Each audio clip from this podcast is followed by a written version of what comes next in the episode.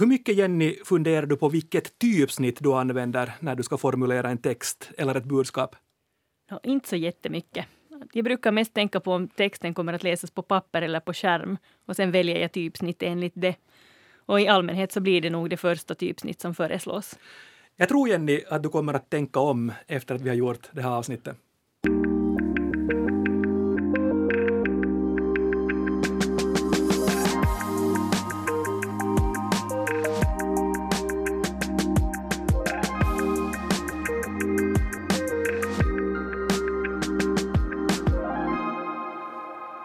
Näst sista ordet tillbaka med mig, Jens Berg, och språkexperten Jenny Silvin. Hej! Jag hörde en gång en klok person säga att typsnitt är ordens kläder. Du säger massor om du väljer att klä orden i en lång klänning eller om du väljer att klä dem i en träningsdräkt. Och valet av typsnitt kan avgöra om mottagaren överhuvudtaget vill läsa det du skriver. Vad säger du Jenny om en sån här beskrivning? Jo, jag håller nog med. Och jag tycker till exempel skriva en inbjudan så är det ju trevligt om det är en sån här lite krusidullig, ett krusidulligt typsnitt eller ett på något sätt som, som annars också är lite mindre neutralt. Medan, eh, men sen anser jag ändå att om jag skriver så jag tycker nog det är jätteskönt om det är en grafiker som får sköta det här grafiska finliret. Det är lite, mm. alltid bra att ha fackfolk på plats. Men jag brukar välja ett sakligt typsnitt. Om min text ska ingå i en bok eller tidskrift hoppas jag att, att den, de då har skickliga ombrytare. Men jätteroligt är det ju sen om någon visar mig några färdiga alternativ och sen får jag välja. Sant. Men alltså på tal om typsnitt så minns jag ett aprilskämt från år 2014. Låt komma. det, alltså det var det europeiska partikelfysiklabbet CERN som gick ut med ett pressmeddelande om att de för att fira labbets 60-årsjubileum tänker övergå till att använda typsnittet Comic Sans i all sin offentliga kommunikation. Och Comic Sans det är det här dagistypsnittet ja. framför alla andra med runda barnsliga bokstäver som ser lite handskrivna ut. Och jag tycker, jag tycker det är ett så jätteroligt aprilskämt för det är så absurt att man, absolut, liksom, man kan omöjligt tro på det. Men ändå är det teoretiskt Sant. möjligt på något sätt. Och när man tänker också att det var partikelfysiklabbet som hade det ja. på något sätt. Nu säger jag välkommen till dagens gäst, Kristoffer Leka. Välkommen! Tack så mycket! Skrattar du åt det här Jennys skämt? Dels, men att det, det ska vi säga det att man skrattar åt Comic Sans så är lite passé i, i grafikerkretsar och typografkretsar skulle jag säga att det här där uh, Vince som tog fram typsnittet så gjorde det för ett visst ändamål och det, för det ändamålet är ett mycket lämpligt typsnitt. Att problemet kommer där att det används då i mm. omständigheter var det inte ska användas. Vilken var den kontexten? Uh, det var för det här CD-ROM som Microsoft tog fram för barn och, och de hade då som typsnitt Times New Roman som inte alls lämpar sig för det ändamålet. Men, men sen blev ju Comic Sans så otroligt populärt och, och därmed också sen bland proffs så hatat. Uh, Vince Conner sa, jag tycker jättefint i ett skede, att, att de som älskar Comic Sans överallt, de förstår ingenting av typografi men de som hatar Comic Sans mer än allt annat så förstår inte heller något om typografi. och det, det, det, det liksom summerar ganska mycket. Mm. Jag tycker på dagis är det helt på sin plats. Helt, helt, helt väl och, och, väl använt. Jag har, jag har haft studeranden som har velat provocera mig då som en gammal lärare och typograf och gjort något projekt med Comic Sans. Men eftersom de har varit visuellt begåvade så har slutresultatet varit strålande fint och, och jag har varit imponerad av det och, och liksom road av, av hur liksom den här provokationen sen gick i, till intet. Mm. Du är alltså, Kristoffer, en uppskattad lärare, vet jag, det jag hört av mina källor i grafisk formgivning. Du är alltså då en grafisk formgivare och sen för några år sedan här så utsågs din och din hustru Kajsa Lekas bok Imperfect till årets vackraste bok i Finland. Ni har också belönats med serie Finlandia-priset.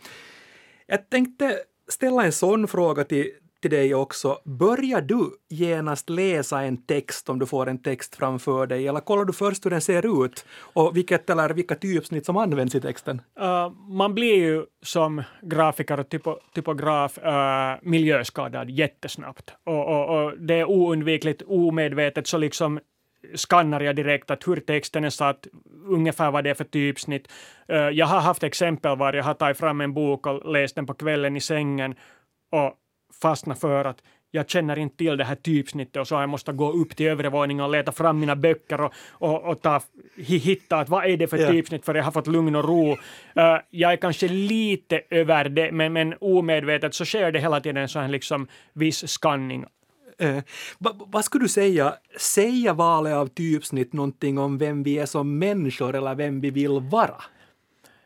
Det skulle jag vara lite försiktig med. Det, den liksom en, en sån sak. Jag skulle säga att kanske om man talar om text så, så handstilen berättar mera om oss och då, då talar vi inte om typografi utan om kalligrafi. Uh, typsnittsvalet så är oftast mycket pragmatiskt styrda. Vi öppnar datorn som vi nu för tiden skriver med mestadels och tar det första som kommer fram. Uh, jag, jag skulle inte göra något djupgående psykologiska Nej. analyser baserat på det. Sen om det är ett medvetet val så, så då, då kan man ju liksom eh, kanske se någon liksom personliga preferenser inom estetik men, men att så här basskrivande så, så skulle jag inte våga gå Nej. och uttala mig något om en persons psykiska välfärd. Men analyserar du, om vi tar, om vi tar liksom proffs då, medvetna val, analyserar du mycket när du ser ett företag, en organisation eller så kommunicera med ett typsnitt så tänker du att okej, vad vill de här säga nu med, med det här? Uh, I viss mån jo, men jag skulle säga att där, där är också den här liksom sättet att liksom kommunicera i dagens läge så homogent, det, det är liksom så strömlinjeformat att, att det är få gånger som man faktiskt blir överraskad mera antingen positivt eller negativt, att det är mer att jaha, okej, så här är det. Ja.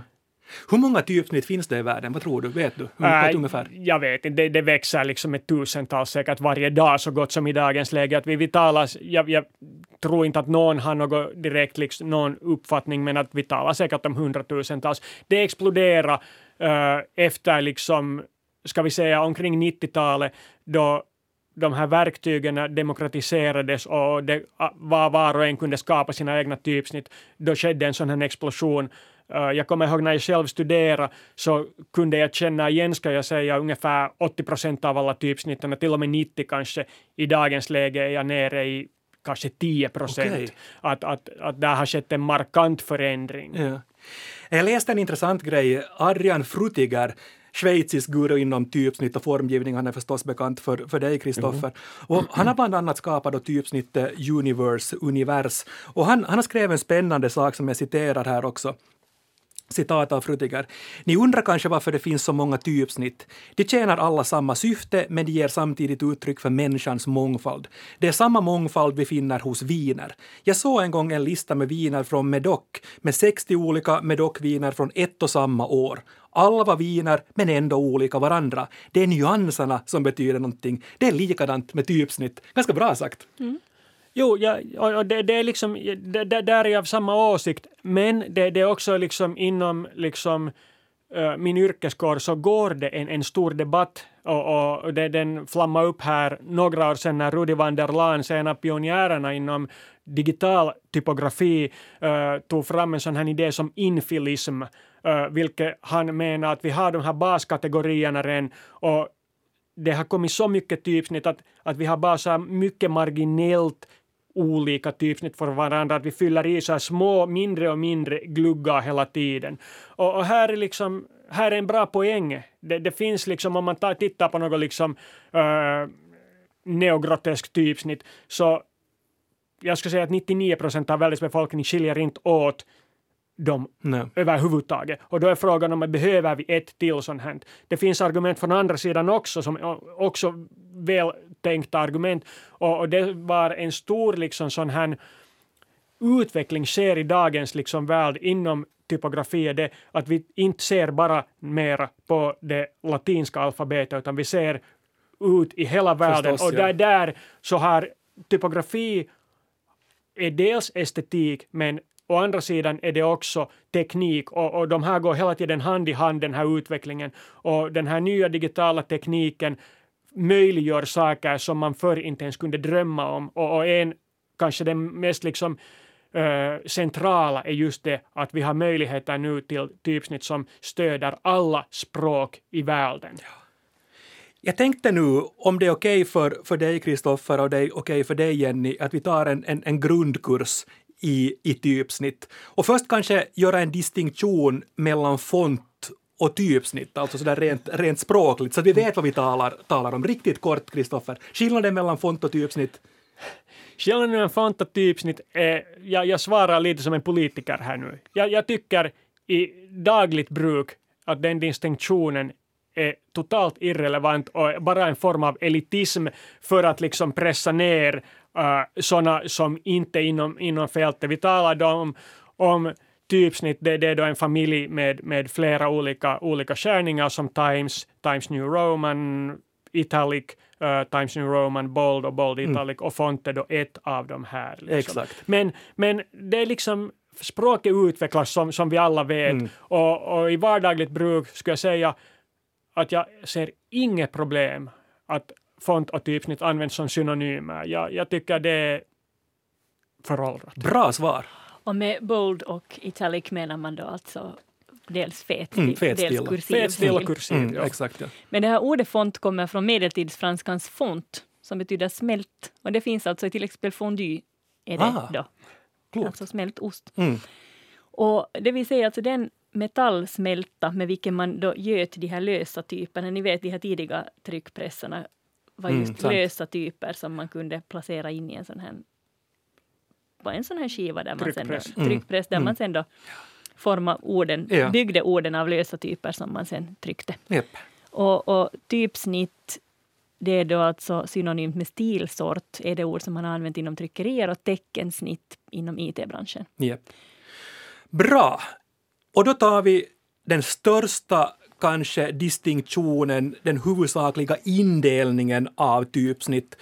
Det här är alltså nu då grundkursen, Kristoffer. Med eller utan seriffer.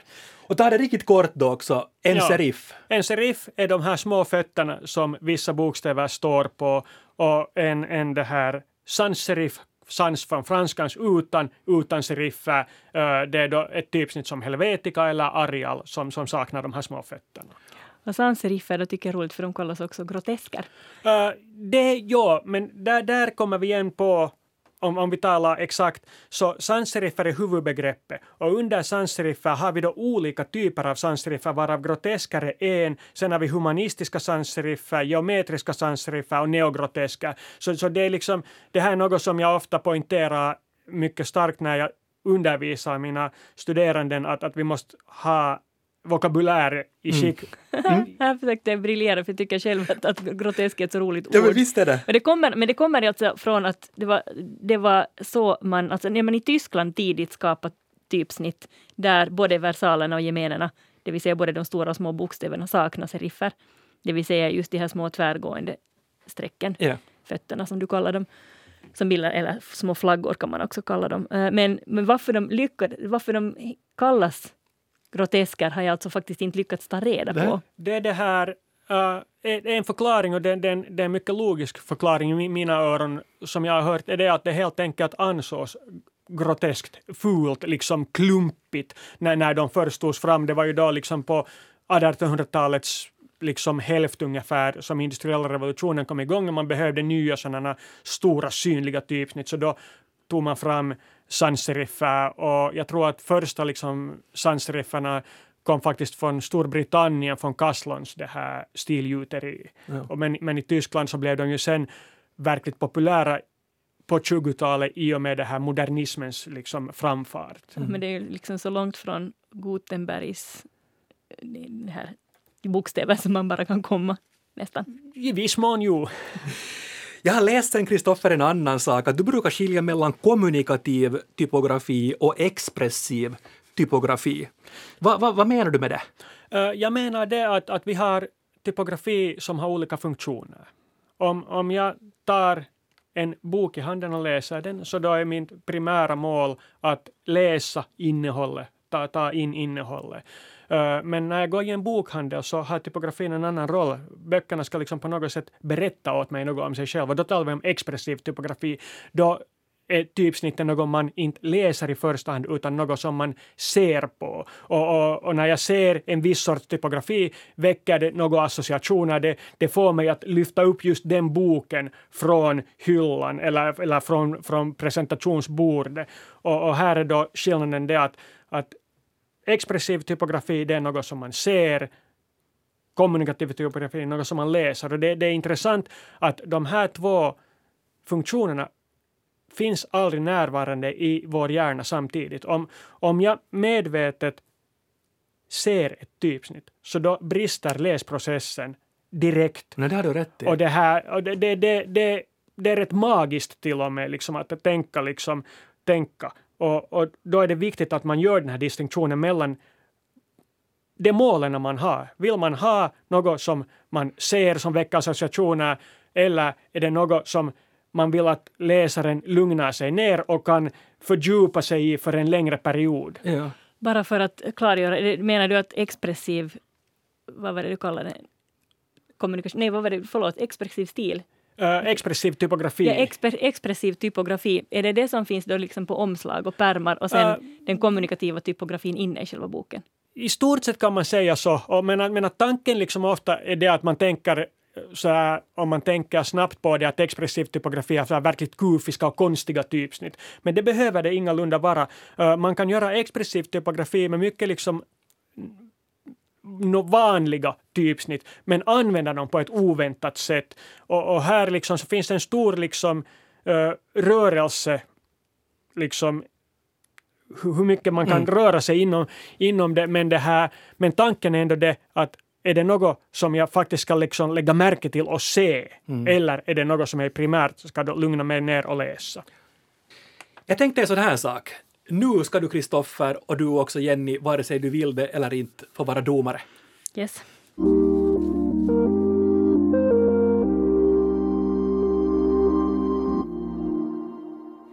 Det är ju så att många företag och organisationer jobbar hårt för att ta fram egna typsnitt. Ibland är det här en ekonomisk fråga, men ofta handlar det, precis som Kristoffer var inne på, att man vill signalera någonting till sina användare och till sina kunder, och ibland både och en signal och ekonomiskt.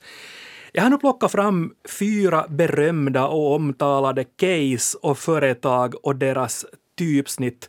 Det här har jag fått av, av fåglar som har viskat, viskat i mitt öra, det kan hända att de har viskat, viskat fel, men jag, jag tänkte att ni skulle få kommentera dem, logotypen i kombination med typsnittet. Jag har tagit fram en skärm här och det första jag skulle vilja att framförallt du Kristoffer, men sen också du Jenny kommenterar så är IKEA. IKEAs logotyp, IKEAs typsnitt och diskussionen kring den, vad säger ni? Ikeas logotyp kan man väl liksom säga att den, är, den är känd, den är väl inkörd, den väcker inga, inga stora känslor, men den är mycket igenkännbar och det är ju det som man önskar att en logo, logo har. Uh, angående typsnittet så den stora förändringen skedde, skulle jag säga, igen när vi talar här om, om tidningarna, så, och den som väckte den här stora stormen var den när man eh, Ikea gick över från Futura till Verdana. Uh, nu har Ikea gått vidare, jag kommer inte ihåg ens vilket typsnitt, men någon, någon generisk sans serif ja. i varje fall. Men det här Futura till Verdana så, så väckte inom typografikretsarna och grafikerkretsarna igen en så här stor storm i ett litet vattenglas uh, som ter sig lite så här liksom humoristisk, komisk till och med om vi är helt ärliga. Uh, vissa, man, man, kan säga liksom att de två typsnitten skiljer sig ganska kraftigt från varandra på ett estetiskt plan. Men igen på ett ideologiskt plan så är de ganska nära varandra. Futura var en ett typsnitt från uh, modernismens tid var man sökte liksom så att, att alla skulle ha möjlighet till, till vackra produkter och fungerande funktionella produkter. Och det är samma ideologi precis som Verdana har bakom sig. För Verdana är ett typsnitt som Matthew Carter tog fram för att förbättra webbtypografin yeah.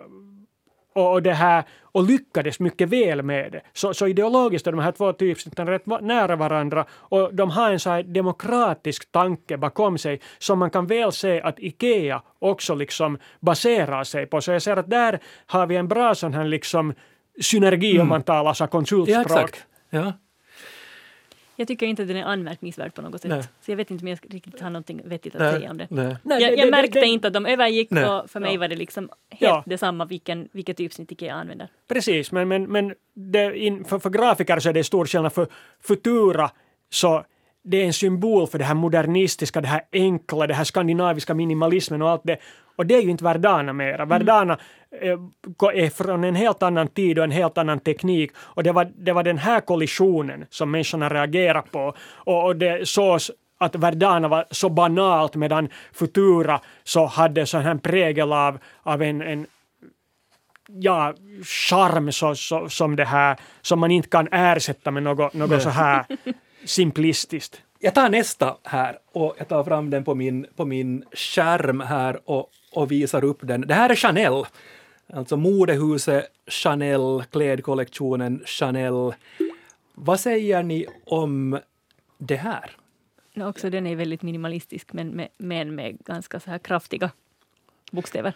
Ja, för, för, för mig så, så är det här liksom, jag, jag ser så mycket i typografin att allt homogeniseras och det här är ett så här typexempel i mitt tycke på det och det här är en personlig åsikt men en sån här liksom geometrisk sans-serif, äh, vackert spärrad, allt är, allt är korrekt men ingenting är intressant. Nej.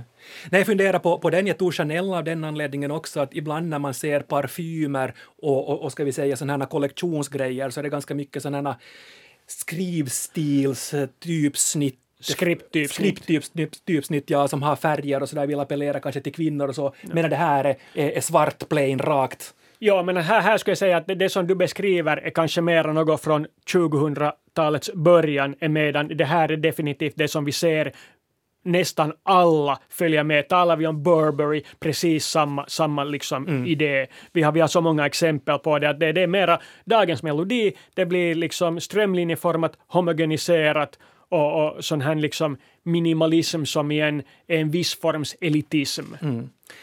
Vi tar ett till här och det är BBC, alltså det brittiska public service-bolaget som här för några år sedan så skapade ett eget typsnitt som de kallar för BBC Reith uppkallat efter BBCs första generaldirektör Lord John Reith. Och nu tar jag fram den på, på skärmen här och ber ber Kristoffer och också Jenny, om du ser att Jenny har inga glasögon idag så hon ser inte så bra. Men Kristoffer får ta ja, den hemma. Ja. Det där, ja, det, det, är ju ett mycket modernt typsnitt, välfungerande, innehåller då så som liksom i många fall det görs i dagens läge, det innehåller både ett antikva-version och en sans-serif-version. Uh, mycket i tiden varande typsnitt och välfungerande i, på olika plattformar i print och säkert på, på skärmen mm. och det här är något som man har letat. Uh, det som BBC använde tidigare var, var Gil Sans. Och, då kan man fråga att varför frångick man ett så här liksom så pass legendariskt typsnitt? Och där skulle jag spekulera själv att vi har två olika åsikter. En är det ekonomiska. Vi talar om det. Det är i många fall för stora, stora företag fördelaktigare att ha ett eget typsnitt ritat för dem än att betala stora licenser för hundratals eller tusentals datorer. Ehm, det ett annat grej är det att Gilsans och Erik Gill som är formgivaren från 19, uh, typsnittet Gilsansen från 1927 så är en ytterst problematisk figur. Okay. Uh, han det här, uh, Fiona McCarthy skrev på 80-talets slut hans biografi och kom över hans dagböcker.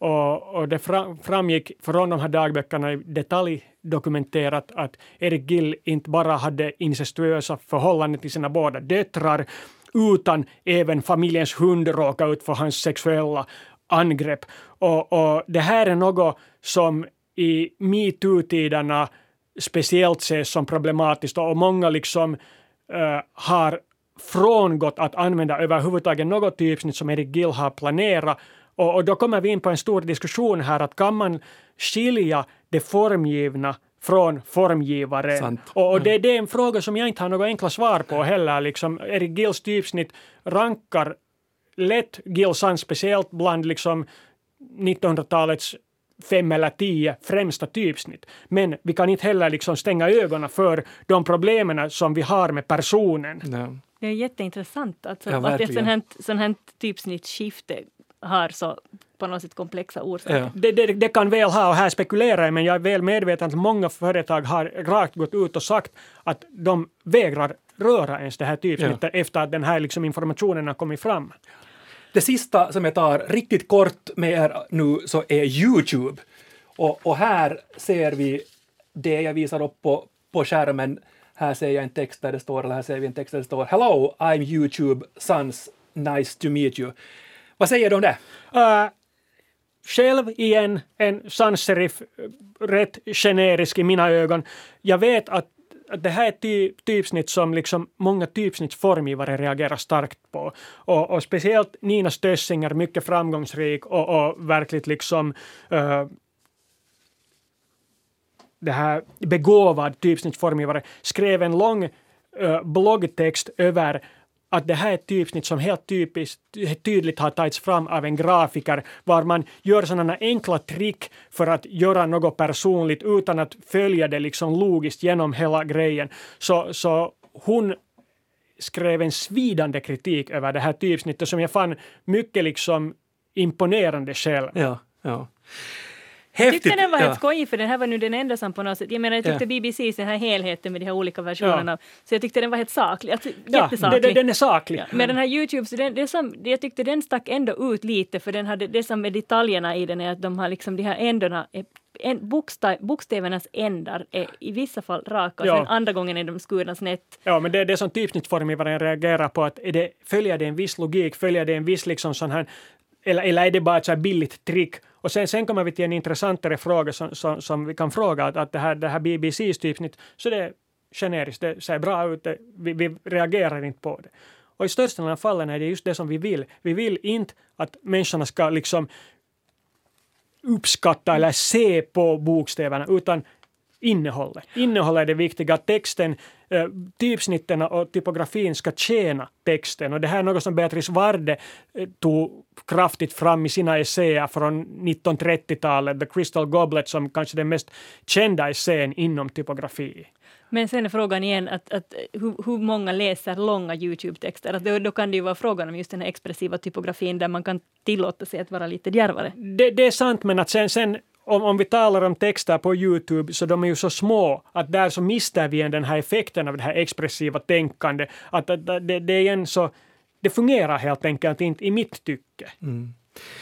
Oj, vi skulle kunna tala om det här hur länge som helst, men i vanlig ordning så ska vi också presentera veckans bortglömda ord. Ett ord vi vill dra en lans för, ett ord vi tycker att du kunde ta in i ditt aktiva ordförråd den här veckan. Och idag, Jenny, är det du som har plockat fram det bortglömda ordet. Eller, ja, för mig är det inte så jättebortglömt, men, men jag tycker det är ett bra ord och det är ordet lathund.